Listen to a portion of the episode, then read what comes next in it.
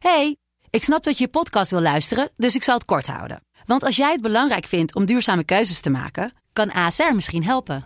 Nou hoor ik je denken, hoe dan? Nou, bijvoorbeeld bij het duurzaam herstellen van schade. Of de premies die we beleggen volgens ons duurzaam beleggingsbeleid. Dat bepaalt waar we wel en juist niet in investeren.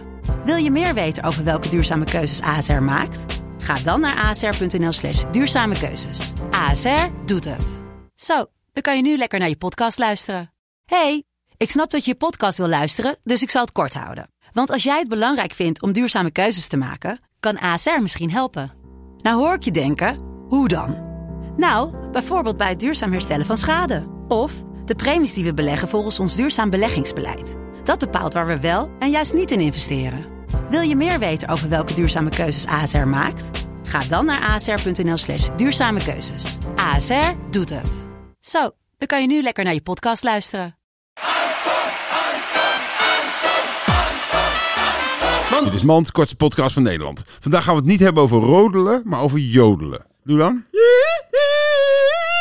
Nee, gast. Ja, lala. Ik kan het echt niet. Ja, kom op nou. Dit is echt zo slecht. Ik denk dat je nooit meer Oostenrijk inkomt. Dit was Mand. Ik ben de auto